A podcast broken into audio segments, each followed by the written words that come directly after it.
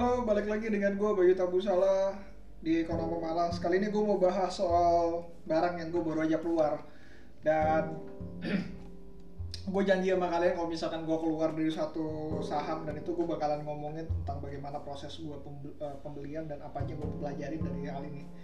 So gue masuk lagi ke Metro Data, gue sempet kayaknya pernah ngobrol bahwa gue suka banget dengan Metro Data waktu pas gue beli di 200 itu tahun 2000 berapa ya 2000 kayaknya awal-awal ya 2015 sih. 200 keluar dari 333 dan akhirnya sekarang kayak wow banget dan gue ngerasa bahwa itu adalah perbuatan bodoh waktu saat itu. Dan gue ngerasa uh, kemarin gue masuk kembali di 1600an sampai 1700an jadi gue masuk kembali ke Metro Data. Pertama alasannya simple. Pertama gue ngomongin soal growth-nya dia dan uh, Ciputra ini tuh uh, di Metro Data itu belum pernah sekalipun. Even waktu dalam waktu pandemi kemarin 2020 uh, dia nggak bertumbuh salesnya. Dan yang kedua tiap tahun dia punya margin yang lebih baik gitu. Walaupun kalau misalnya kalian ngelihat bahwa margin mereka marginnya dia tipis tapi marginnya lebih baik gitu. Tiap tahun dia punya margin yang lebih baik. Nah uh, margin yang lebih baik ini yang menandakan gue bilang katanya oke okay, berarti gue bisa masuk lagi nih. Tapi masalahnya adalah gue harus pakai pendekatan yang mana? Dan akhirnya gue menggunakan pendekatan namanya growth investing. Dalam hal ini gue beranggapan bahwa dengan per waktu itu gue masuk kurang lebih di 8 pas 9 deh. Per 8 PL 9 itu uh, eh, gue ngerasa bahwa oke okay, ini sudah lebih dari cukup untuk gue masuk gitu. Karena gue ngelihat dari sisi growthnya sendiri itu growthnya bisa sampai 13% in term of sales dari Q on Q ya. Nah uh, dan gue ngelihat dari kalau misalkan dengan dengan kemampuannya dia dengan yang better marginnya tersebut sorry salesnya cuma 8% tapi uh, earning growth itu bisa sampai 29% karena uh, dia punya akan punya margin yang cukup baik lagi. Jadi in term kalau misalkan dia punya dia punya economic of scale, kalau misalkan dia uh, salesnya lebih tinggi naik terus uh, marginnya akan jauh lebih baik lagi dari tahun ke tahun. Nah, itu yang menyebabkan gue akhirnya masuk karena balik lagi gila main 29% untuk earning growth yang Q1 untuk average-nya aja gue ngerasa kayak 25% is okay gitu. 25% due, due to the matter margin ya gitu. Average-nya growth-nya bisa sampai 25% tapi sampai kapan? nah sampai kalau misalkan gross marginnya itu tercapai kan nggak mungkin kayak perusahaan itu bertumbuh lebih baik dibanding gross profit marginnya gitu. Ada sih tapi itu kan contoh kayak Beton Jaya Manunggal gross profit marginnya itu jauh lebih rendah dibanding net profit marginnya. Alasannya karena di situ ada uh, pencatatan terhadap keuntungan uh, selisih kurs. Nah itu menyebabkan net profit marginnya lebih tinggi dibanding gross profit margin. Cuman in term of semuanya ya balik lagi nggak mungkin lebih tinggi dibanding net profit marginnya. Jadi gross profit marginnya kemarin gue ngecek kurang lebih di 15% deh singkat gue ya.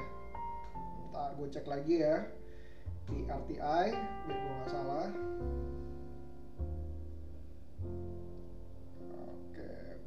data. Profitability-nya oke kan salah gua.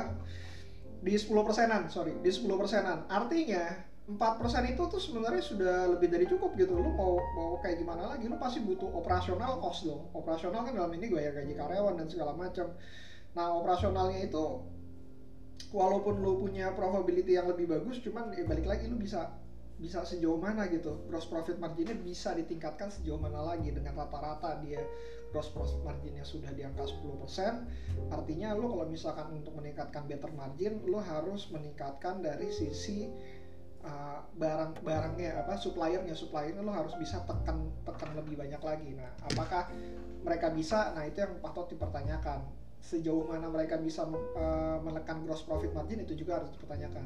Tapi in term of valuations menurut gua kalau misalkan dengan track recordnya dia gua ngerasa ini cukup murah untuk bisa masuk. Dan gua waktu itu gua ngerasa bahwa uh, eh, PE paling rendah yang eh, PE paling tinggi yang bisa yang gua mau masuk itu kurang lebih di PE 10 10 mungkin 10 gua udah bisa uh, apa sorry PE 8 PE 9 lah. PE 9 itu gua udah bisa keluar. Bukan keluar maksud gua P9 itu gue nggak nambah lagi investasi gue jadi waktu itu gue matok bahwa di 1730 apa 1750 itu adalah uh, patokan gue yang paling tinggi untuk gue masuk ke dalamnya. Uh, dilalah gue harus nunggu cukup lama dan duit duit gue nggak 100% langsung masuk ke Metro Data gue masih menyisakan sedikit lagi uang kas. Akhirnya tiba-tiba dia rally uh, naik 25% dalam satu hari dan gue ngerasa bahwa uh, kayaknya akan mirip DCII cuman gue mesti ngecek-ngecek juga bahwa DCII itu punya competitive advantage dari sisi investor retailnya yang cukup dikit gitu. Kurang lebih sekitar 300an lo bisa cek di RTI juga RTI bisa ngeliatin juga. Ya mau cek dulu DCII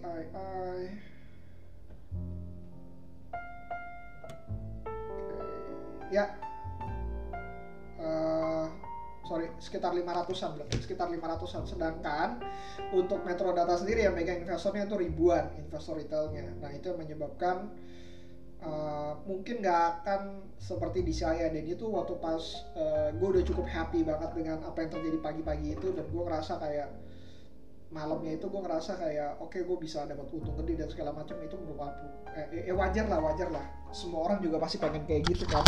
Cuman gue mesti ngeliat lagi bahwa uh, kemungkinan untuk terjadinya hal-hal ajaib seperti di CII itu uh, cukup kecil di Metro Data. Dan akhirnya gue ngerasa bahwa pagi-pagi gue harus menjalankan uh, gue punya gue punya target cut loss tanda kutip ya bukan uh, target keuntungan. Di mana ketika kalau misalkan tiba-tiba ada sudden drop dari dia lagi rally terus tiba-tiba sudden drop let's say kayak 10 or 15 percent dari titik tertingginya gue mesti out gitu.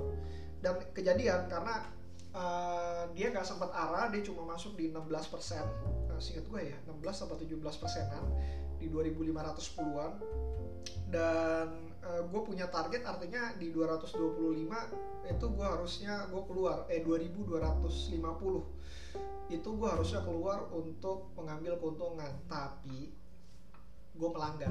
Dan uh, kenapa gue melanggar hal tersebut? Karena gue ngerasa bahwa valuationsnya masih murah dan gue uh, memikirkan ada satu saham yang gue pegang dan masih belum gue lepas kayak uh, ya udahlah kalau apa belum belum masih belum gue lepas dan akhirnya mengalami kerugian.